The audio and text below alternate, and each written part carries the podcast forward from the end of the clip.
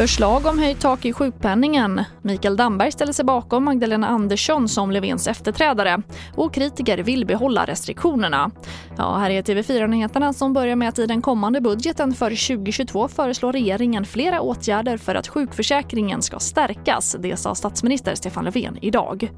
Och det här innebär bland annat ett höjt tak i sjukpenningen vilket kraftigt stärker ekonomin för många sjukskrivna större möjligheter att kunna fortsätta en sjukskrivning efter 365 dagar om det krävs för att kunna komma tillbaka till ditt egna arbete.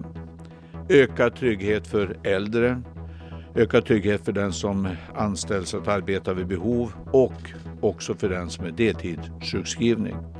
Och inrikesminister Mikael Damberg var idag tydlig med att han ställer sig bakom finansminister Magdalena Andersson som Stefan Löfvens efterträdare i Socialdemokraterna.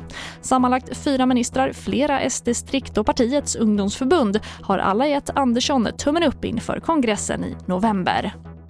Och Sverige borde satsa på vaccinationsbevis vid till exempel stora evenemang. Det menar kritiker efter gårdagens besked om slopade restriktioner den 29 september.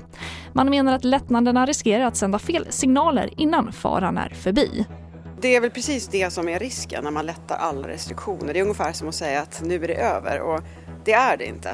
Eh, men har man då ett krav på att eh, visa vaccinationspass innan man går in på en väldigt trång lokal till exempel då har man ju säkert eh, minskat risken för att det blir en spridning där.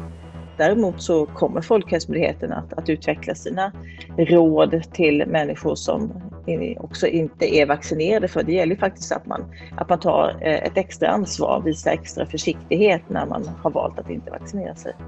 Och sist hörde vi socialminister Lena Hallengren och innan dess hörde vi Gunilla Karlsson Hedestam som är professor i vaccinimmunologi. Och det får också avsluta TV4-nyheterna. Och fler nyheter hittar du alltid på vår sajt tv4.se. Jag heter Charlotte Hemgren.